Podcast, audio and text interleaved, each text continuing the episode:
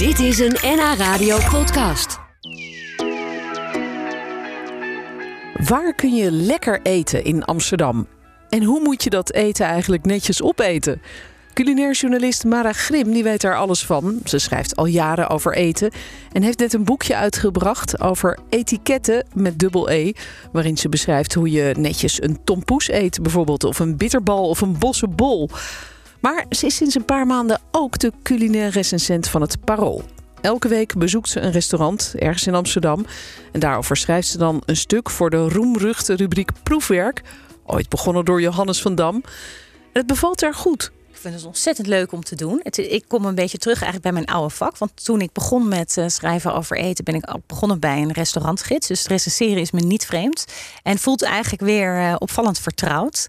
Uh, dus het is een enorme eer natuurlijk uh, om uh, toch wel de mooiste restaurantrubriek van Nederland in te mogen vullen. Ja, dat kan me voorstellen. En, en dus in de voetstappen te treden van Johannes van Dam. Je zei net al eventjes dat hij toch wel een soort voorbeeld voor jou was. In, in welk opzicht doe jij het anders dan hij? Dus kun je dat... Nou, ik denk in de tijd dat Johannes proefwerk nog schreef dat, dat, dat, er, um, dat Nederland nog veel meer opgevoed moest worden. Dus niet alleen de lezers van de krant, maar ook de chefs. Hè. Het culinaire niveau was gewoon wat lager dan dat het nu is. En inmiddels is dat een ander verhaal. De paroollezer weet echt heel veel van eten. En de chefs in Amsterdam uh, zijn echt met sprongen vooruit gegaan. Dus het niveau van onze stad is echt hoog. En ik denk dat Amsterdam zich kan meten met uh, steden als Londen en Parijs als het om uh, niveau van eten gaat. Dus, echt? Wauw. Ja, dus dat hele schoolmeesterige, dat is niet meer nodig. Nee. Wat niet wegneemt dat ik niet ook gewoon streng ben. Ja, ja, af en toe moet dat. Ja, ik, ik zag dat je laatst een onvoldoende had gegeven. Was dat de eerste? Uh, dat was de eerste, ja. En uh, dat, dat is natuurlijk uh, jammer. Maar goed, uh, zeker in deze tijd is, is ligt dat natuurlijk extreem gevoelig. Aan de andere kant moet, zolang de horeca open is, de recensies ook gewoon doorgaan. En heeft de lezer ook recht op een eerlijk oordeel. Ja, nee, dat kan ik me voorstellen. Maar ook dat je in deze tijd inderdaad misschien wat milder bent. Of dat je alleen maar restaurants kiest waarvan je bij voorbaat weet van nou, daar, daar zal het toch echt zeker wel goed zijn. Ja, ik ga in principe naar restaurants waarvan ik uh, het vermoeden heb dat het goed is. En um, deze baan heeft natuurlijk altijd, vraagt natuurlijk altijd om extreem veel zorgvuldigheid. En nu misschien nog wat meer. Uh, en ik, ik, weet niet of ik milder ben. Ik denk wel uh, dat ik milder oordeel over bijvoorbeeld het personeelstekort. Wat op dit moment speelt. Ah, ja. Eigenlijk in de hele stad. Uh, dus ik benoem dat wel. Maar ik ben daar minder ehm, kritisch op dan ik onder normale omstandigheden zou zijn. Ja, je bedoelt als je even iets langer moet wachten op je, op Ja, je voorgerecht. Of, of als het personeel misschien net niet helemaal goed is ingewerkt. Uh, Precies. Kijk, het is uh, door de coronacrisis gewoon ontzettend moeilijk om aan personeel te komen. En eigenlijk daarvoor was dat ook al zo. Uh, en ik vermoed eigenlijk dat dat erger gaat worden, omdat nu de horeca wederom kampt met maatregelen. En Ja. dat er toch weer mensen die bij elkaar zijn gesprokkeld, toch weer weggestuurd moeten worden, omdat er gewoon minder werk is nu. Ja, Dat is heel pijnlijk. En Ja. zie die maar weer terug te krijgen. ja dat is echt eh, verschrikkelijk lastig voor, eh voor horeca-ondernemers natuurlijk. Ja, En, en voorheen was het, vroeger in de tijd van Johannes van Dam was het toch echt wel zo dat als hij een hele positieve recensie schreef, dan kwam hij op het raam te hangen. Maar dan kon zo'n restaurant vervolgens ook eh, de toestroom niet meer aan. Eh, is dat nog steeds zo? Hebben jouw eh, proefwerken nog steeds zo'n groot effect? Eh, nou, ik, me- ik meet het niet. Ik heb wel begrepen van de restaurateurs die een, eh, een 9 of een 9 min hebben gekregen dat de reserveringssystemen echt ontploffen. Oh ja. Eh, dus dat is wel prettig, want het is natuurlijk, dat is, ik vind dat prettiger dan natuurlijk een zaak een onvoldoende geven. Ja, maar wel een verantwoordelijkheid voor jou. Het is een enorme verantwoordelijkheid, ja, maar ook een hele leuke. Ja, en hoe pak je het aan? Daar ben ik altijd zo benieuwd naar. Want eh, ik kan me voorstellen, jouw, eh, jouw hoofd is wel bekend misschien bij de veel eh, restauranthouders. Want je, je loopt al een hele tijd mee in de culinaire wereld. Ja, Ehm, dus je, je gaat neem ik aan niet in vermomming, toch? nee, maar anoniem eten is er niet bij. Eh, maar de restaurateurs weten van tevoren niet dat ik kom, want ik reserveer niet onder een eigen naam, steeds onder een andere naam. En ehm, als ik binnenkom, word ik eigenlijk eh, steeds herkend. Althans, 9 van de 10 keer eh, is dat het geval. Zie je de mensen dan verstijven in het restaurant? Van, In, in oh, sommige gevallen wel, maar eigenlijk is dat niet nodig, want op zich bijt ik niet. Ehm, maar ik let gewoon ook goed op wat er op de tafels naast me gebeurt, zodat ik, eh, weet je, zodra ik het idee heb dat ik een voorkeursbehandeling krijg, dan kijk ik wel wat er gebeurt, ook in de rest van het restaurant. Dus, uh, en gebeurt dat? Zie je dan wel eens dat jij een hele grote biefstuk krijgt en de buren nee, een heel nog kleintje? niet. En dat, dat, ik, ik vind dat ook heel prettig, want dat zou ik dan weer wel benoemen. Ik weet dat Johannes van Dam dat ooit eens een keer had gedaan. Die, die had dan een, een schaal gamba's, geloof ik. En die, die kreeg er, geloof ik, vijf meer dan zijn buurman. En die schreef ook op: voor 12 euro krijg je hier 12 enorme gamba's. Dus en die restaurateur zat daar voor goed aan vast. Um, ik zou dat wel benoemen. En uh, gelukkig zijn restaurateurs zo slim om uh, geen voorkeursbehandeling te geven. Maar uh, ja, het kan natuurlijk zijn dat er ex een keer extra naar een bord wordt gekeken. Ja, dat, ja. Ja, ze doen wel een beetje extra hun best. Je krijgt niet net het allerlulligste bordje met net die vieze vegen erop. Ik gok van niet, maar dat allerlulligste bordje zie ik wel ook voorbij komen. Dus Ja. ik let echt op alles. Dus uh, als je vraagt hoe ga je te werk, nou, er zit ongeveer geen uh, moment ontspanning bij. Nee? Nee. Eh, is- En heb je ook nog een, een notitieboekje bij of zo dat je het allemaal opschrijft? Of neem je het op? Of hoe doe je dat? Nee, ik vind aan tafel schrijven vind ik echt eh not done. Want ik vind dat eh, dat, dat op een eh, vervelende manier aandacht eh, op je vestigt. Wat ik wel doe, eh, sowieso, is ehm, foto's maken van alle gerechten. Maar En dat doet soms neem ik tegenwoordig eens wat iedereen, op, dus, ja. dus dat valt misschien niet op. Nee, precies. Maar aan tafel schrijven, dat vind ik echt een hele grote no-go. Ah, ja. En wat neem je dan op als je wel eens wat opneemt? Nou, bijvoorbeeld als ik met mijn tafelgenoot praat over een gerecht en het is een wat complex gerecht. Dat ik denk, hier zitten, dit zijn dingen die ik niet wil vergeten. En eh, kijk, het is natuurlijk bij drie gangen is het wel wat makkelijker te onthouden. Maar als je vijf gangen of meer eet, dan wordt het wat eh, gecompliceerder. Ja. Heb je wel eens ruzie met de chef of met de restauranteigenaar dat ze je bellen of appen of naar je toe komen van hé, hey, wat heb je nou toch gedaan? Dit Nee, klopt eigenlijk niet. Ik heb wel ehm, eh, soms, in sommige gevallen, even contact met eh, het restaurant van tevoren v- voor publicatie, omdat ik eh, eh, soms op de hoogte wil stellen of soms nog wat wil vragen. Nee, ik heb eh, nog geen eh, ingegooide ramen. Nog niet. Nou, Nog niet. gelukkig. Laten we het zo houden. Ehm, het is natuurlijk wel een, eh, een onmisbare rubriek voor iedereen die wel eens eh, lekker uit eten wil in Amsterdam. Rubriek Proefwerk in het Parool. Die wordt dus tegenwoordig geschreven door Mara Grim. Zij is hier vandaag ook om te vertellen over het leuke boekje Etiketten met dubbel E-T. Leuk voor de feestdagen natuurlijk. Dat je aan de kerstdis zit en weet wat je allemaal wel en niet moet doen. Ja. Ja, ja toch? En eh, nou is het zo, begrijp ik, Mara, dat, eh, dat hij in de winkel op dit moment al even uitverkocht is. Of in de meeste boekwinkels. Nou, bij sommige winkels hebben wat moeite met eh, de bevoorrading vanuit het Centraal Boekhuis.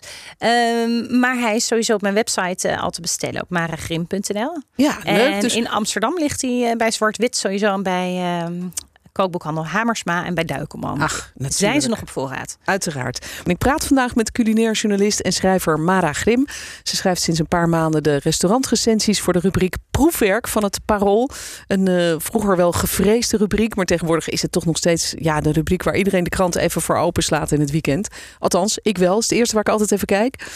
Ja, ik, ik, nu ik hem zelf schrijf, eh, kijk ik er ook nog naar. Maar het is voor mij ook al, eh, zolang ik het parool lees, en dat is heel lang, ook altijd het eerste waar ik naar kijk. Ja, Ja. zeker. Intussen heb je ook nog tijd gevonden voor een boekje.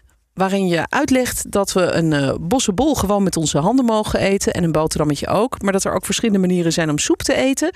Eh, het heet Etiketten met dubbel E. Etiketten, zo eet je oesters, bitterballen en 99 andere klassiekers.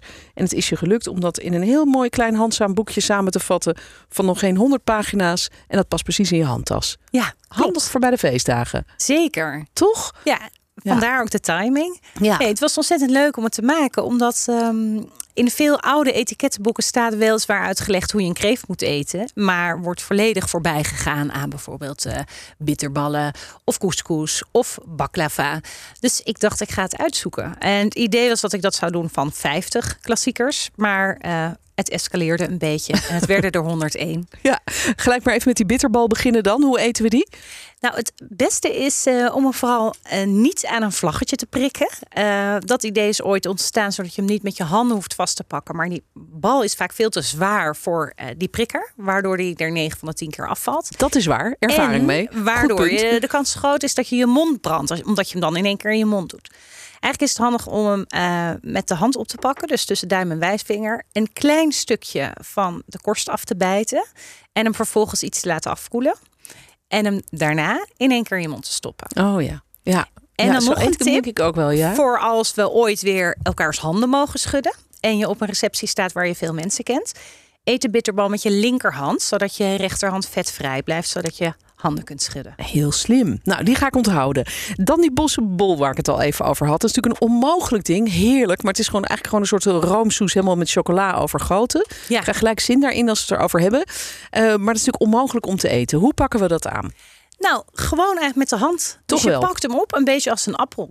En daarbij is het handig om op zijn kop te houden. Omdat aan de onderkant van de bossenbol zit een gat... waardoor de room naar binnen is gespoten. Dus als je hem niet omdraait en je zet er een beetje druk op... dan valt al die room, eh spuit al die room er gelijk uit. Dus je draait hem eigenlijk om.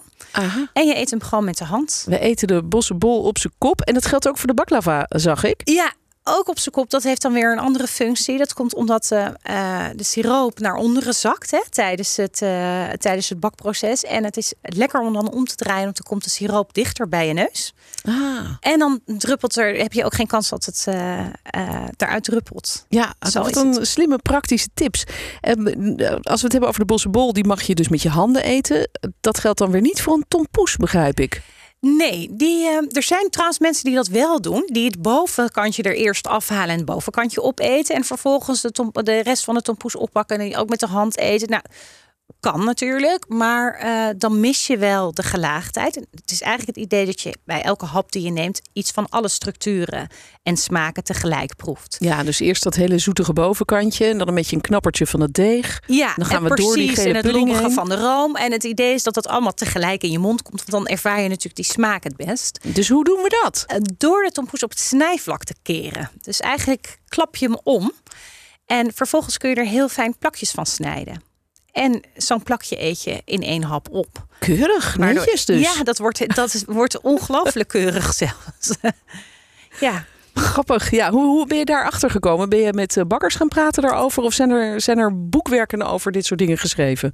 Nou, er is veel over eh, de klassiekers geschreven, maar over al, eh, alle nieuwigheden nog niet. Dus ik heb heel veel gepraat met vakgenoten, met koks, met ehm, eh, ervaringsdeskundigen. Dus ja, ik heb eh, uitgebreid onderzoek gedaan. Op- Ja. En ik heb ook heel veel uit Franse etikettenboeken kunnen halen. Want die zijn dan weer meester in bijvoorbeeld kaasplateaus en eh, croissants en dat soort dingen. Ja, over die croissant gesproken. Ik doe Ja. altijd een croissant gewoon door midden snijden. En dan doe ik daar lekker wat jam op. En ik begrijp dat dat dubbel fout is. Wat is er daar mis mee? Nou, kijk, als jij er op die manier van geniet, is er vrij weinig mis mee. Want het gaat natuurlijk om in de eerste plaats omdat je eh, lekker, lekker eet. Maar in Frankrijk zouden ze een eigenlijk nooit snijden. Breken ze er stukjes af en eh, eten ze gewoon hapklare stukjes op. En de jam is bij het ontbijt in Frankrijk is eigenlijk bedoeld voor op je brood en niet voor op je croissant. Oh, En dat komt omdat de croissant eigenlijk een natuurlijke zoetheid heeft. Eh, En op het moment dat je er jam op doet, dan wordt die natuurlijke zoetheid overschaduwd en is het eigenlijk zonde van de smaak. Ah, Maar goed, zo. dit Ja. gaat dus over de regels volgens de puristen. En wat ik ook in mijn boekje benadruk in mijn voorwoord, is dat die regels er natuurlijk ook zijn om te breken. Ja. Ja, uiteindelijk is het prettig om te weten hoe het hoort, maar moet je vooral lekker doen wat je zelf prettig vindt. Ja, zo streng als je bent bij de restaurantrecensies, zo streng ben je niet in het boek. Het is een, een handige eh, gids eigenlijk om te hebben, maar je hoeft het natuurlijk niet precies zo te doen. Dat is duidelijk. Ja. En nog even over dat soepje wat je net hebt gehad, de knolselderiesoep. Was wel een zeventje? Ik geef hem een eh 7 plus. Een 7 plus zelfs. Nou, dat is, eh, vind ik toch heel positief. Ja, een lekker herfstig soepje, toch? Zeker. En, en nu zag ik ook dat je soep op verschillende manieren kan eten. Met de lepel van je af of naar je toe. Ja, Daar precies. had ik nog nooit over dat gehoord. heeft dan weer te maken met de mate waarin de soep gebonden is. En dan zijn er ook weer regels. Mag je nou de soepkom oppakken? Een bord mag je bijvoorbeeld niet oppakken. Een kom Nee. mag je wel oppakken. Oh ja. Mag je eigenlijk het soepbord een beetje schuin houden om de laatste restjes op te lepelen? In Nederland mag dat wel. In Frankrijk mag dat echt niet. Dus daar is het ook wat chiquer om iets, eh, een klein restje soep in je soepbord te laten liggen. Dus het verschilt per soep en het verschilt dus ook per land. En dat maakt eigenlijk ehm, die etiketten heel leuk, maar ook wel ingewikkeld. Want s- soms is het echt een kwestie van om je heen kijken als je op reis bent. Van wat mag nou wel en wat Hoe mag nou niet? dat hier? Mag ik slurpen? Mag ik eh, niet slurpen? Ja. Dat soort dingen. Ja, er staan behalve manieren om eh, dingen te eten, staan er ook nog een paar gedragsregels achterin. Bijvoorbeeld geen wijn meenemen voor de gastheer of gastvrouw. Dat doe ik nou altijd wel. Dat, dat is dus niet de bedoeling eigenlijk. Eh, nee, het is van oudsher niet de bedoeling en dat zit zo. Eh, dat kan worden opgevat door de gastheer alsof jij het idee hebt dat hij zelf geen goede wijn in huis kan halen. Daarbij kan hij zich verplicht voelen om jouw meegebrachte wijn te moeten schenken. Terwijl hij zelf al wijn had uitgezocht. Het heeft ook een praktische reden, want vaak ben je op een diner met meerdere mensen en heeft één fles wijn weinig zin. Want Ja. is het lekker om meer- meerdere flessen van dezelfde wijn te hebben. Dus dat is niet raadzaam. Ehm, althans, volgens de oude regels. Tenzij de gastheer uitdrukkelijk heeft gevraagd om Ja, het ja. meebrengen van wijn. Dat kan, hè? Dan is het weer wat Kom je morgen natuurlijk. eten, neem jij een fles champagne Ja. mee. Dan kook ik. Ja. Dan is het een ander verhaal. Goed, dan is het afgesproken. Nou, heel leuk. Dank dat je er was. Eh, kun je misschien nog één keer heel kort herhalen hoe, wat je bedoelt met het snijvlak van de tompoes? Wordt gevraagd door een luisteraar. Ja, je kant hem eigenlijk op de zijkant. Dus eh, de kant waar je de laagjes heel mooi ziet, daar moet hij op liggen. Oh, Oké, en dan ga je hem dus in plakjes snijden. Ja, en dan snijd je hem in plakjes. Heel leuk. Interessante materie. Dank dat je hier was, Mara. En we gaan eh, nog lang, hoop ik, eh, genieten van jouw restaurantrecensies. En eh, het boekje heet- heet dus Etiketten, is ook te bestellen bij jou op de site maragrim.nl. Dit was een NH Radio podcast. Voor meer, ga naar nhradio.nl. Radio.